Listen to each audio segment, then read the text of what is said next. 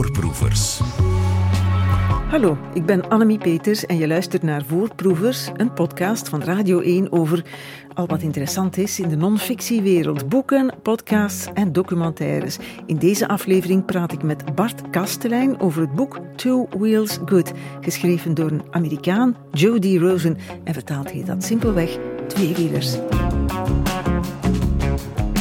Voorproevers. Goedenavond. Wij maken in Vlaanderen uitstekende podcasts en geweldige documentaires en, en ontluisterende boeken. Maar in buitenlanden maken ze ook goede podcasts en docu's en boeken. En één zo'n boek heet Two Wheels Good, boek van dit jaar. En het is al vertaald in tweewielers, boek over de fiets. Dus het is geschreven door een Amerikaan genaamd Jody Rosen. Die gaat niet komen vliegen van New York tot hier om even over zijn boek te vertellen. Vandaar onze logische oplossing. Je belt een Vlaamse vervente fietser. Je vraagt of die dat boek wil lezen in vertaling. Die zegt ja. Je betaalt zijn onkosten. Hij komt niet vliegen natuurlijk, maar gereden van Merkem. Dat is al ver genoeg. Niet het New York, maar de Far West van Vlaanderen. Bart Kastelein, goedenavond. Goedenavond. In Merkem ligt jouw boot, hè? de boot waar mensen kunnen logeren, waar ze ecologische uitstappen kunnen maken. Ja. Mm-hmm. Je bent ook zelf een bekend fietser, fervent fietser ook, hè, met de fiets door Zaire gereden, door Cameroen, door Liberia, door Sierra Leone, door Vietnam en veel, veel, veel meer. En ook bekend van de Merkemse wielertouristenclub. Dat is weer een ander soort fietser natuurlijk. Zwart, je hebt dat boek gelezen. Uh, je vindt het een goed boek. Ik ook. Ik wou telkens gaan fietsen als ik aan het lezen was. Maar dat kon ik niet lezen natuurlijk. Ik dacht, ik uh, moet de luisteraars die niet zo gek zijn van fietsen ook een uur lang kunnen vasthouden. Uh, met een gesprek over de fiets. Ah, met een wervende quote natuurlijk uit het boek. Ik heb jou ook gevraagd om er één te zoeken. Wat is voor jou de quote die het boek goed samenvat? Uh, het is geen wervende quote wat ik uh, zal gebruiken. Dus ik, het was een zo breed verhaal van historiek tot tot uh, verhalen over Hitler, tot uh, politiek, uh, downhill toestanden, dat soort. Zo breed gelinkt aan YouTube-filmpjes. En misschien het, wat het mij persoonlijk het meest heeft gefrappeerd, is dat men in China nu over ontfietsing praat. En ik vond die ontfietsing heel frappant. Ik vind dat niet wervend genoeg. Nee. Zal ik de mijne dan in de ja, plaats tuurlijk. zeggen? Fietsen kan je dood betekenen, maar ploeterend je dagen slijten zonder te fietsen, dat is geen leven. Top. Voorproevers. Stomme titel wel, tweewielers. In het Amerikaans heet dat Two Wheels Good. Bart Kastelein, we hebben net ontdekt waar dat op slaat. Hè? Two Wheels Good, Four Wheels Bad. Dat is pas een wervende titel. Ja, Tweewielers is niet de meest sexy titel. Nee, dat is een stom, stomme titel, maar geen stom boek. Hè. Die Jody Rosen heeft zijn best gedaan. Absoluut, want ik was zeer gecharmeerd dus op jullie vraag om dat boek te lezen. En uh, ik heb dat eigenlijk zeer gretig gelezen. Toen ik uh, hoorde dat het een boek was van 400 pagina's, toen dacht ik, fuck, dat is wel zeer veel. Uh, maar op de een of andere manier deed dat boek mij ook denken aan de debuutroman van, van, van David van Rijbroek, De Plaag. En dat ging toen over Materlink en over plagiaat en over termieten, waar je bijna zou denken, fuck, ik heb niks met termieten, dat interesseert mij niet. Maar je wordt toch wel, op het moment dat je dat boek aan het lezen bent, dan word je daar toch wel ingezogen. En dat, dat gevoel had ik hier ook. En je hebt natuurlijk wel iets met de fiets, hè. Dat, is, dat maakt het toch anders. Doe nog één one-liner en dan stop ik ermee.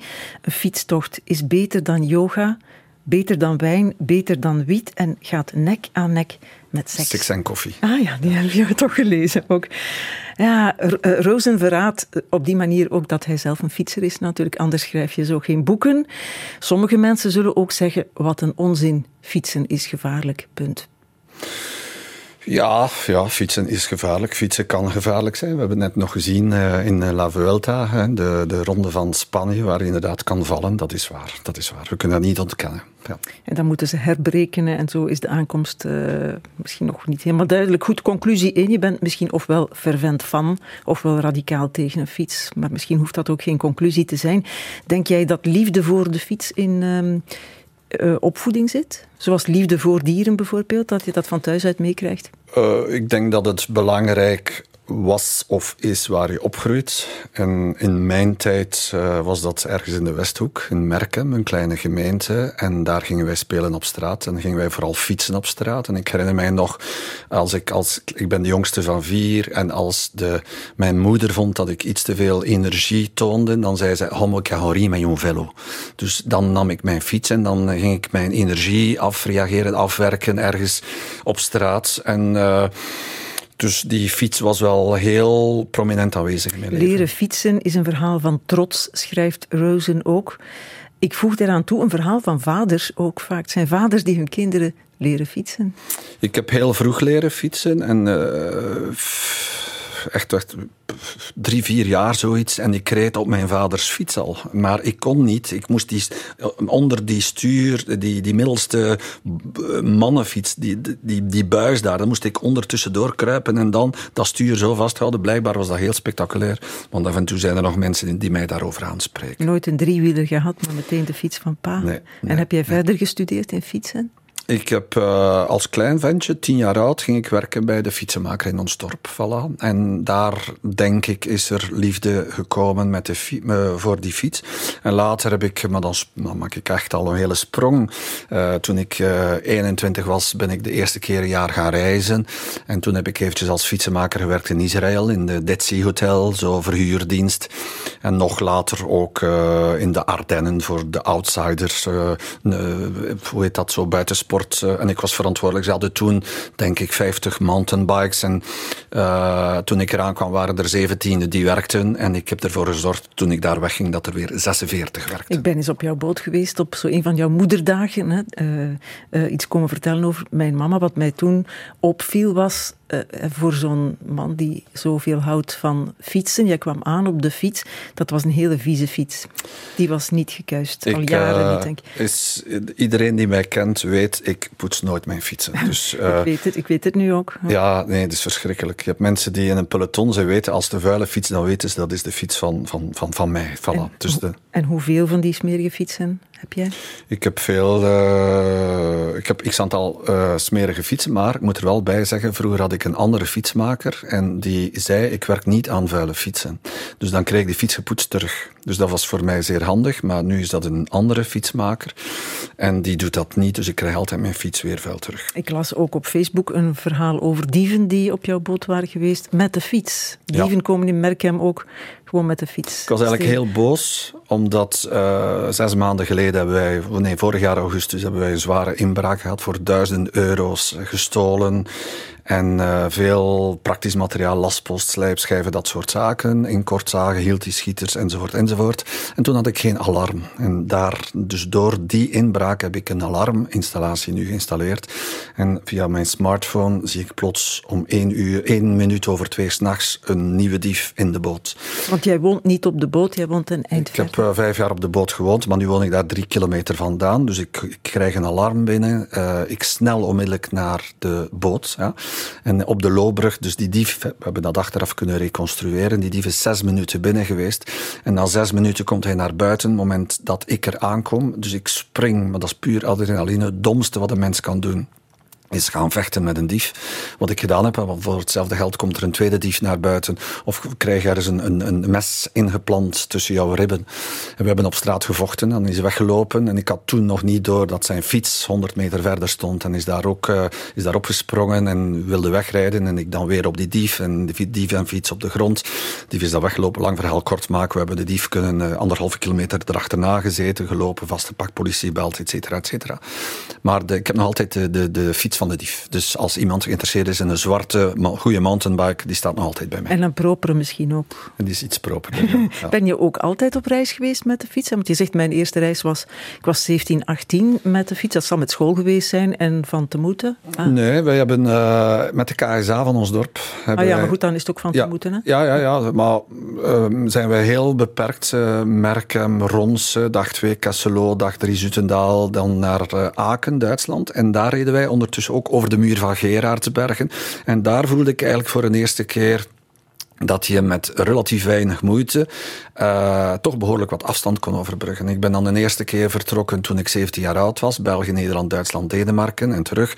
18, hetzelfde ongeveer. België, Nederland, Duitsland, Denemarken, Zweden, Noorwegen, Engeland en terug. En dan ben ik effectief onderweg. Een, een Canadees had ik ontmoet en die was een jaar op reis met de fiets, met een mountainbike, toen triple plateau vooraan. was magic. Uh, en ik, de klassieke vragen, hoe betaal je dat, hoe doe je dat met je werk, et cetera, et cetera. En dan ben ik zelf vertrokken toen ik 21 jaar oud was. Ik ben vertrokken in ons dorp Merkem met de Merkemse wielertoeristen. En ik ben één jaar later daar weer aangekomen, weer met die Merkemse wielertoeristen. En uh, daar zaten toen 22.000 kilometer tussen. En via uh, Ierland, Noord, Noordkaap, uh, Oostblok nog voor de val van de muur, want ik spreek van lang geleden. En dan Midden-Oosten, Syrië, Noord-Afrika. En wat maakt die fiets dan zo bijzonder op reis? Is dat dan de vrijheid waar die voor staat? Voor een groot stuk wel. Want je, eh, doet toch ook, je hebt ook Zaire gedaan met de fiets, hè? Ik heb, ja. Nog toen ik in het begin op de radio werkte, dat is ook lang geleden. En, want ik interviewde jou op de fiets in Zaire. Um, als, als het over Afrika gaat, dan, uh, dan gaat dat toch niet meer over vrijheid, maar meer over gedoe. En platte banden en putten in de weg en geen in, infrastructuur en ja, veel bekijks. Oké, maar langs de andere kant, ik heb ooit een reis gemaakt met mijn fiets van Istanbul naar Kaapstad. Dus dwars door Afrika, via Midden-Oosten, Irak tijdens de Eerste Golfoorlog. En ik vond dat toch wel een vrijheid hebben. Dus uh, nogmaals, je op heel korte termijn relatief snel kunnen verplaatsen. En het feit dat ik toen door Zwart-Afrika en, en in Congo terecht kwam en daar paters en nonnen en broeders ontmoeten, uh, dacht ik, ik moet daar iets meer mee doen. En dan is mijn derde reis er gekomen, de Tour du Zaire. En daar heb ik dan 8000 kilometer, heel, heel zware kilometers gereden. Dat is waar, want ik herinner mij nog zeer goed.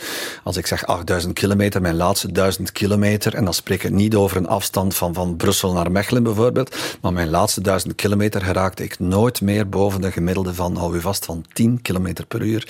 Dus dan is dat inderdaad gedoe, dat is forceren, dat is, uh, ik had niks bij om te eten, ik had niks bij om te slapen, dus gewoon een mosquitonet om mij te vrijwaren van, van muggen. Dus je, ja, dan ga je inderdaad diep, maar toch, uh, zeker als ik dan kijk naar Congo, naar, naar, ja, zeker naar Congo, dat is broesen, dat is oerwoud. En daar kan je dan penetreren met, met die fiets. Uh, ze kunnen jou niet volgen. Uh, dat, dat, dat, je hebt natuurlijk veel ambras vanaf dat je officiëlen tegenkomt, mensen van de staatsveiligheid, militairen met rood doorlopen ogen. Dan wordt het lastig en moeilijk. Maar in de dorpen werd je zo op handen gedragen. Je moet je eerst melden bij de chef van het dorp. wie ben je? Wat kom je hier doen? Dan zagen ze die fiets zo helemaal beladen met twee tassen vooraan, twee achteraan, uh, stuurtas. En dan denken zij, mais monsieur, c'est quoi ça? Ben non, uh, où est le moteur? Dat hoorde je al constant, omdat ze dachten met 24 versnellingen. Maar zij dan denken, oké, als we al een auto hier zouden hebben, die misschien vier versnellingen of vijf of zes, die, die raakt misschien aan 40 per uur. En als je dan zegt dat je 24 versnellingen hebt, dan denken ze, dat moet als een flash erdoor gaan aan, aan 100 per uur of zo. In elk geval, je kunt daar helder verhalen over vertellen, achteraf natuurlijk. En het smaakte naar meer, want je bent nog vaak met de fiets weg geweest naar Iran, Irak, Cameroen, Liberia, Sierra Leone, Senegal, Gambia, Guinea-Bissau, Cuba. Ik vergeet er nog, hè? Vietnam, Cambodja, Laos, Ethiopië. Zal nog wel wat zijn, zeker. We kunnen ze niet allemaal opnoemen. Voorproevers. Radio 1. Bad boy uh, verstaat iedereen. Uh, en dat zijn nog allemaal propere bewoordingen van een mens op een fiets, op een fiets, op een vlo, een man op een fiets. Er zijn er ergere verzonnen, heb ik ook begrepen toen ik dat boek van Jody Rosen aan het lezen was. Wat ze allemaal niet hebben gezegd over fietsers. Uh, ja, zeker in de beginfase was iedereen een beetje boos toen die fiets, uh, of niet iedereen, maar veel mensen waren boos omdat ze uh, geen geld meer zouden verdienen. Kleermakers waren boos omdat ze normaal, we komen uit die Victoriaanse tijd met die hoepelrokken en plots gingen die vrouwen die hoepelrokken, die, die, die wisselden die in voor pofbroeken. Ja, dat kun je niet aandoen op een fiets. Nee, nee vandaar. Dus de, de omzet daalde van de kleermakers, schoenmakers waren boos omdat niemand nog wou lopen kopen. Iedereen wou gaan fietsen. Hoedemakers hadden zelfs in Amerika zijn bij het congres geweest om, om, om te hopen dat ze elke fietser zouden verplichten om twee vilten hoeden per jaar te kopen, omdat ze vroeger plots met uh, goedkope petjes op stap gingen. Kappers waren boos omdat uh, uh, de, de, de mannen die normaal op zaterdag zich gingen laten scheren, dat gebeurde niet meer. Ze gingen fietsen en die scheerbeurt viel weg. Ja, dus en op een fiets zie je dat toch niet, dat je niet geschoren bent natuurlijk. De pastoors waren ook boos, vooral pastoors de vrouwen. waren heel boos. Die verloren hun vrouwelijkheid op de fiets, heb ik gelezen. Uh, vitaliteit zou afnemen. De pastoor zegt, uh, de fiets roeit ook. Uh, ze, de mensen zouden niet meer gaan lezen. Ze vonden ook dat, die, dat er een onnatuurlijke kromming was van de wervelkolom. dat zou kloven veroorzaken, aanbijen, onvruchtbaarheid van de man. Er was van alles. anderen zegden dat de, de, ook die, die pastoor zei dat de, de, de fietsers de gewoonte zouden hebben. het zou het masturberen, stimuleren. Maar ik dacht net afremmen. Nee, nee, nee, nee, het was stimuleren. Dat was de angst van, dus dat dat niets mocht gebeuren. En de pastoor zei, nou, dat kan niet. Dus dat was zo'n mm. beetje... En zeker bij een tandemfiets, dat, dat vonden ze ook heel bizar. Dat twee mensen achter elkaar zaten en die positie was toch ook niet helemaal leuk de voor dicht bij elkaar pastoor. en zo. De fiets rijdt voor Satan, heb ik ook genoteerd. Die stond in Women's Rescue League in 1896 in Amerika. Zwart. Voorproevers. Bart dat begin, dat beginjaren van die fiets, toen de fiets verguisd werd samen met de fietser ook. Fiets is uitgevonden in de 19e eeuw, 1817 staat er dan als datum in dat boek. Uh, wat is er? Wat is er dan precies uitgevonden? Ja, dat is niet helemaal duidelijk. Hè? Dus nee. dan, dan spreek je van loopfietsen en uh, die, uh, het stuur kon dan wel draaien, dan niet draaien. Dus dat is een beetje moeilijk. Dan heel later dan zagen ze, uh, dan hebben ze die hoge bifietsen. Dat zijn dat, dat met dat heel groot voorwiel. En waarom was dat zo groot? Omdat je die, die pedalen zaten dan centraal. Dus dan moest je snelheid kunnen maken. En dat is natuurlijk ook niet zo evident om daarmee te fietsen. Dus, maar wanneer, of vond iedereen, je leest dat ook in het boek, hè? iedereen claimt zo'n beetje. Ja. Uh, ik ben de, ja, ja maar daaraan voorafgaand is nog wanneer kun je fiets een fiets noemen? Hè? Is een loopfiets een fiets? Ja. Hm. 1890 wordt dan ook ergens datum gegeven dat die echte fiets met twee gelijk gelijkvormige uh, wielen er is met trappers en een ketting. Dat zijn ook essentiële kenmerken van een fiets. En dat is eigenlijk nog altijd zo. Ja, dat is het rare. De fiets is nooit meer wezenlijk veranderd sinds nee, die, de 19e eeuw. Ja. Je hebt die driehoek tussen stuur, zadel en de pedaalstang, het braket. Hè. Dan achteraan uh, achterwiel, stuur en ook dat braket. Dat is die dubbele driehoek. En ik ben later zelfs nog ooit gesponsord geweest door een Amerikaans merk. Dat was GT, Gary Turner. En daar spraken ze van triple triangle. Omdat ze dan tussen aan het zadel nog een kleine driehoek hadden, zoals de Mercedes-ster onmiddellijk. Uh, je ziet aan een, aan ster, dit is een Mercedes. En dat had je ook met uh, GT. En trouwens, Lotto, de Belgische Lotto-ploeg, is de wielerploeg, is nog ooit gesponsord geweest door GT. En dan zag je op hun kont staan GT, Gary Turner, dat waren de afkortingen. En nooit hebben ze mij. Uh, uh, dus ik ben ooit gesponsord geweest door GT. En dat kwam omdat een, uh, de invoerder van dat Amerikaans merk woonde in Gistel. En die had mij een fiets gegeven. En dat was plots een beurs in Duitsland. Die Amerikaan komt naar die invoerder bij Jan de Jonkheer in Gistel. Ziet daar mijn fiets staan. Die zegt, oh, maar die man die daarmee heeft gereden, dat moet toch iemand zijn met een heel lange baard. Maar nee, zei Jan, dat is nog een propere jongen. En op een bepaald moment kreeg ik dan een telefoon van de uh, secretaresse van die Gary Turner van GT.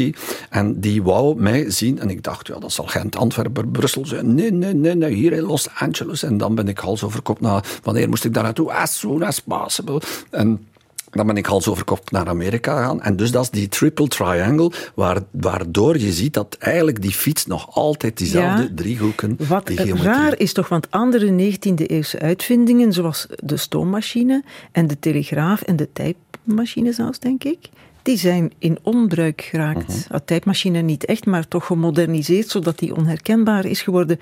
Dus een fiets zou je echt als ouderwets kunnen beschouwen. Ja, dat is waar. En er wordt ook zo... Uh, mijn ontfietsing, weet je wel. In het begin, je, mijn quote die ik, sprak, die, die ik uitsprak, dat had te maken met, China.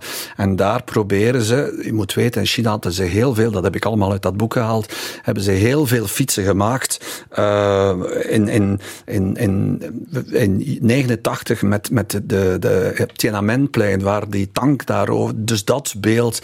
Uh, je moet, ze hadden een enorme grote firma in, uh, in, in, in, in, um, in China, was in, in 1980 de Vliegende Duif. Dat was de firma. En eigenlijk was Mao die in de jaren 50 gezegd heeft, nee, wij moeten uh, meer fietsen maken. En die Vliegende Duif, dat was een oude munitiefabriek. Dan hebben zij massaal fietsen en fietsen en fietsen gemaakt. Maar gelinkt naar 89, is er daar enorm veel protest geweest met fietsers. En voor hen was dat een aanslag op die pro-democratisering.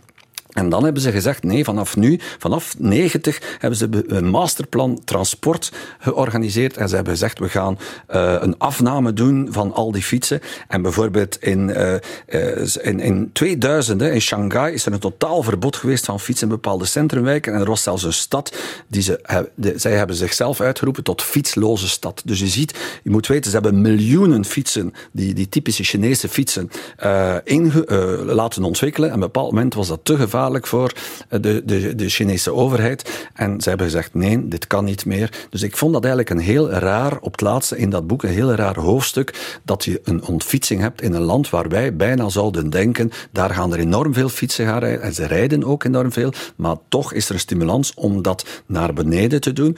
Uh, om te duiden dat, dat, dat zij de macht hebben en dat niet de fietsers zomaar kunnen rondfietsen. De fiets als politiek middel is dat eigenlijk of als propagandamiddel. Daar vind je ook voorbeelden van in dat boek. En dan kom je bij Rusland terecht en zo, de, typische voorbeelden. Maar ook veel voorbeelden van landen waar de fiets een tijd verboden is, als, als dat niet nog altijd zo is. Saudi-Arabië is het ook nog niet zo evident geweest voor vrouwen om te mogen fietsen. En dan, ik denk 2015, rond die tijd.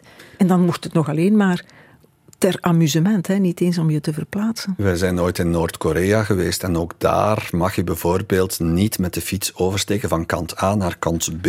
Dus dan moest je afstappen uh, op, het, uh, op, het, op het fietspad. Dan loop je met die fiets over naar de andere kant, dan mocht je weer gaan fietsen. Dus af en toe zijn er heel rare regeltjes. Ooit in Japan geweest en ook daar uh, moeten de fietsers eigenlijk op de weg rijden, maar niemand doet dat omdat dat te gevaarlijk is. Dan rijden, dan rijden ze op het voetpad. Maar ook dat is dan weer gevaarlijk. En zelfs politiemensen duidt soms, je moet rijden op het voetpad, terwijl iedereen loopt op dat voetpad. Dus soms zijn er hele rare regels. Ja, en een fiets is veel meer dan een fiets. Daar zullen we het zo meteen nog eens over hebben. En veel meer dan dat een auto gewoon een auto is. Is een fiets, niet gewoon een fiets.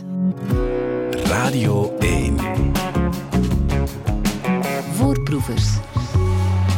Bart Kastelein, fietsennamen suggereren wel eens vaker dat je met een ruimtetuig van doen hebt. De Skylark, de Spaceliner, de Rocket, de Airflight en de Astroflight om maar een paar voorbeelden uit dat boek te halen. Boek Tweewielers van Jody Rosen. Je hebt het boek gelezen.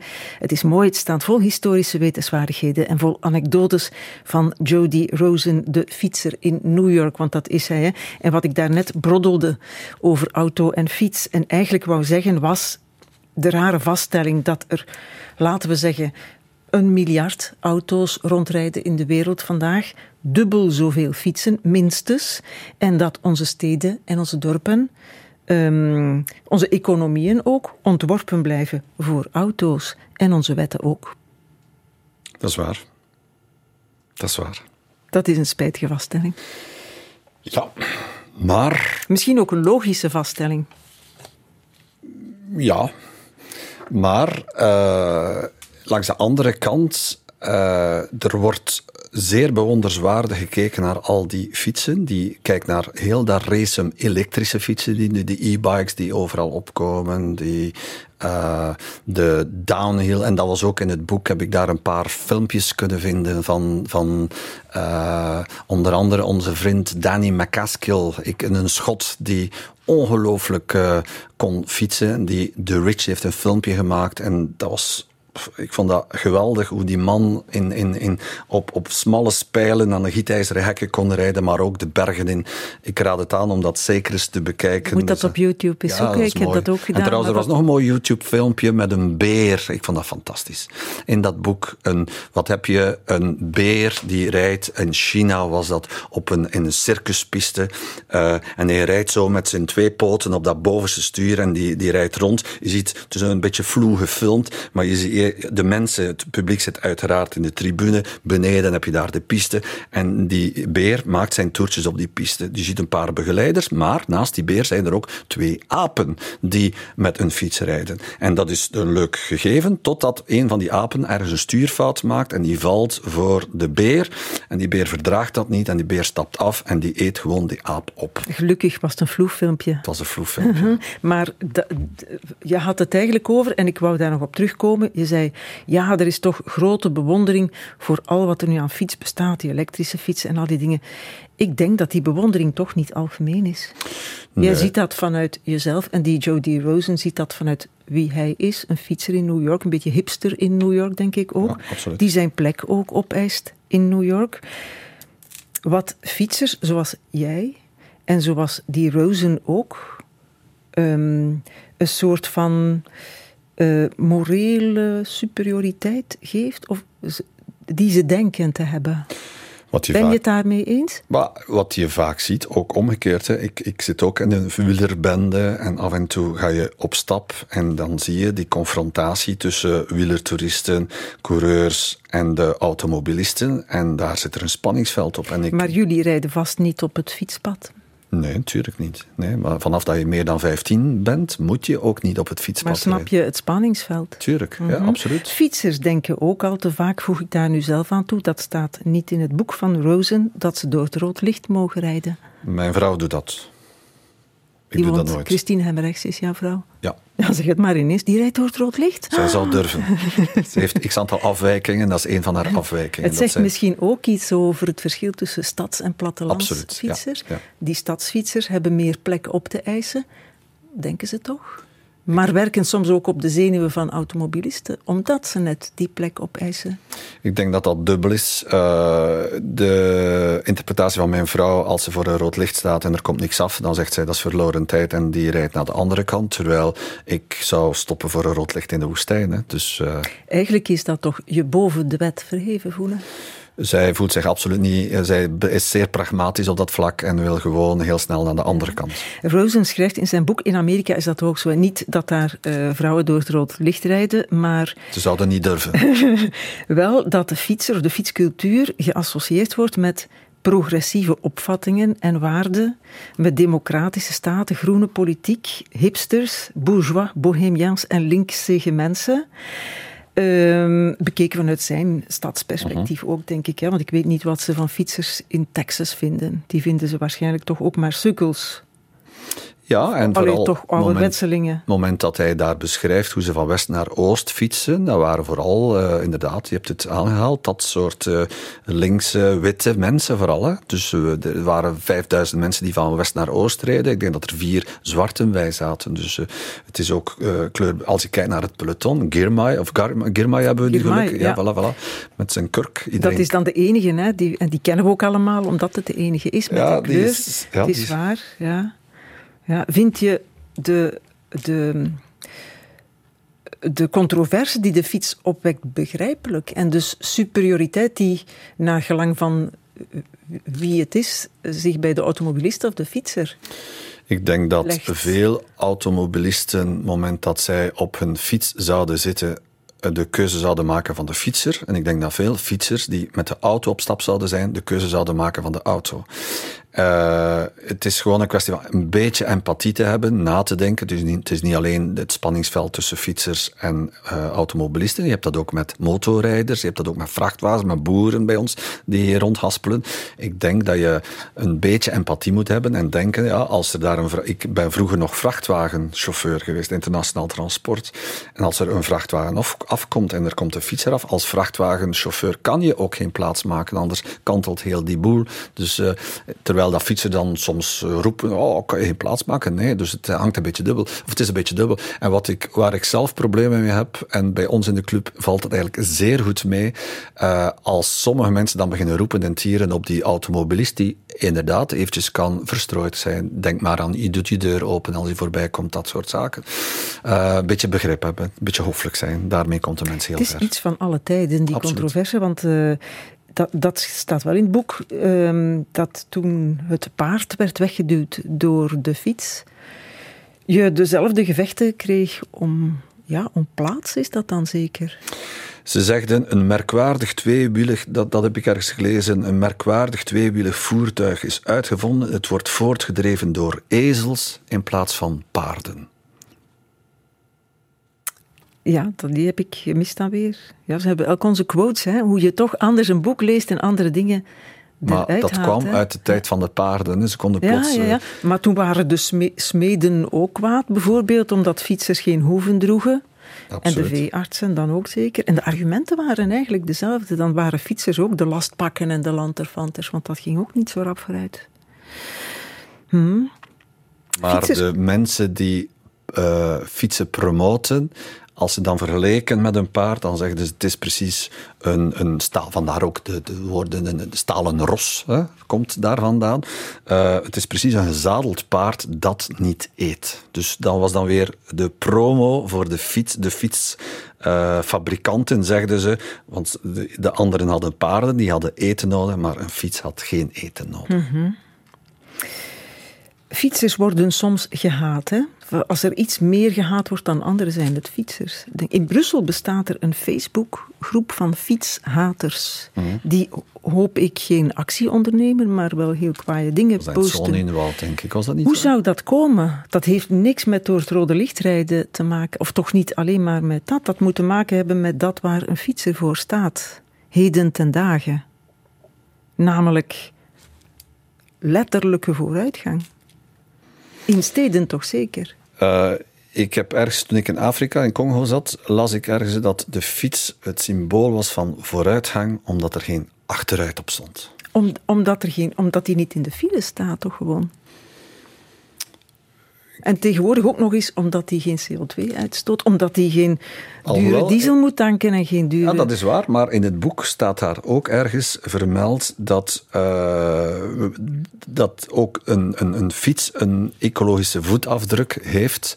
En in de begindagen, of wij staan daar vaak niet bij stil, als je goedkope fiets kan kopen, denk maar aan decathlon-toestanden, et cetera, et cetera, waar die fietsen via kinderarbeid, Cambodja, uh, Bangladesh worden gemaakt. En in het boek wordt er zelfs een link gemaakt naar België, ja, een Amerikaans boek, maar natuurlijk, dan ging het over het uh, rubber van Belgisch Congo met alle terreur van handen afhakken en latex ja, verwerven, et cetera. Daarboven, dat gaat niet alleen over uh, goedkope fietsen, denk ik dan, wat je decathlon fietsen noemt, maar dat laat ik voor jouw rekening. Maar een, een, een dure fiets heeft ook grondstoffen als aluminium en staal en ijzer en chroom en koper en zwavel. Wat zit er niet allemaal? En ook rubber natuurlijk, hè? ook rubberbanden. Ik ken geen fiets met uh, houten banden die duur is. Ja. Dus zo verheven moet een mens zich op de fiets toch ook niet wanen. Nee, maar het zijn, het zijn uh, dure dingetjes. Hè? Dure, zeer dure hebben dingetjes. Als je dan denkt aan koersfietsen, aan mountainbikes, aan de, de, de high-speed bikes. Uh, het zijn al hele dure dingen. Ja, misschien heeft de lockdown ook meegespeeld in dat je superieur wanen op een fiets. Omdat je dan... De fiets was het enige wat je had. Hè? met de fiets raakte je wel vooruit en kon je afstand houden. Dat is waar, maar het was ook gereglementeerd. Je mocht met vier mensen initieel, moest ook afstand houden. En, uh, ja, ja, ja. Daar worden we stil van. Daar worden we helemaal stil van. Mm -hmm. We moeten wel positief eindigen, vind ik, over de fiets. Um, zeg jij nog eens iets goeds? Wat uh, wil je dat ik zeg? Het Bijvoorbeeld, is, uh, wat Rosen schrijft, in klimaatopwarmingstijden bepaalt de manier waarop we ons verplaatsen. Misschien niet alleen hoe we leven, maar of we leven. Wat ik nog wil zeggen, hè, en weer mijn bruggetje naar mijn, naar mijn uh, China-verhaal daar, was vroeger was je iemand in China als je een horloge had als je een naaimachine had en uh, een radio. En het enige wat toen mankeerde was inderdaad de fiets. En als je die fiets kon hebben, dan mocht je gaan trouwen en dan mocht je een gezin stichten. Is dat positief genoeg om te eindigen? Dat is zo. En zo hebben we dat hele boek besproken in één uur. Nee, niet dat hele boek. Hè. Bart Kastelein, 400 pagina's staat dat, 366 als je de voetnoten eraf trekt. Dus hij heeft veel verzameld en gelezen en uh, zich gedocumenteerd. Two wheels good. Hoe ging het nu weer al? Uh, two wheels good and four wheels bad in het Amerikaans. In het Nederlands is dat twee-wielers auteur is. Jody Rosen en het zijn ook columns die hij in de New York Times heeft uh, geschreven. Bart Kastelein, dankjewel. Merci. Voor het lezen, voor de komst. Merci, Fijne avond verder. Dag. Voorproevers. Je luisterde naar Voorproevers met elke dag een gast, een waar verhaal en een goed gesprek. Vergeet niet onze andere afleveringen via de app van VRT Max. Voorproevers.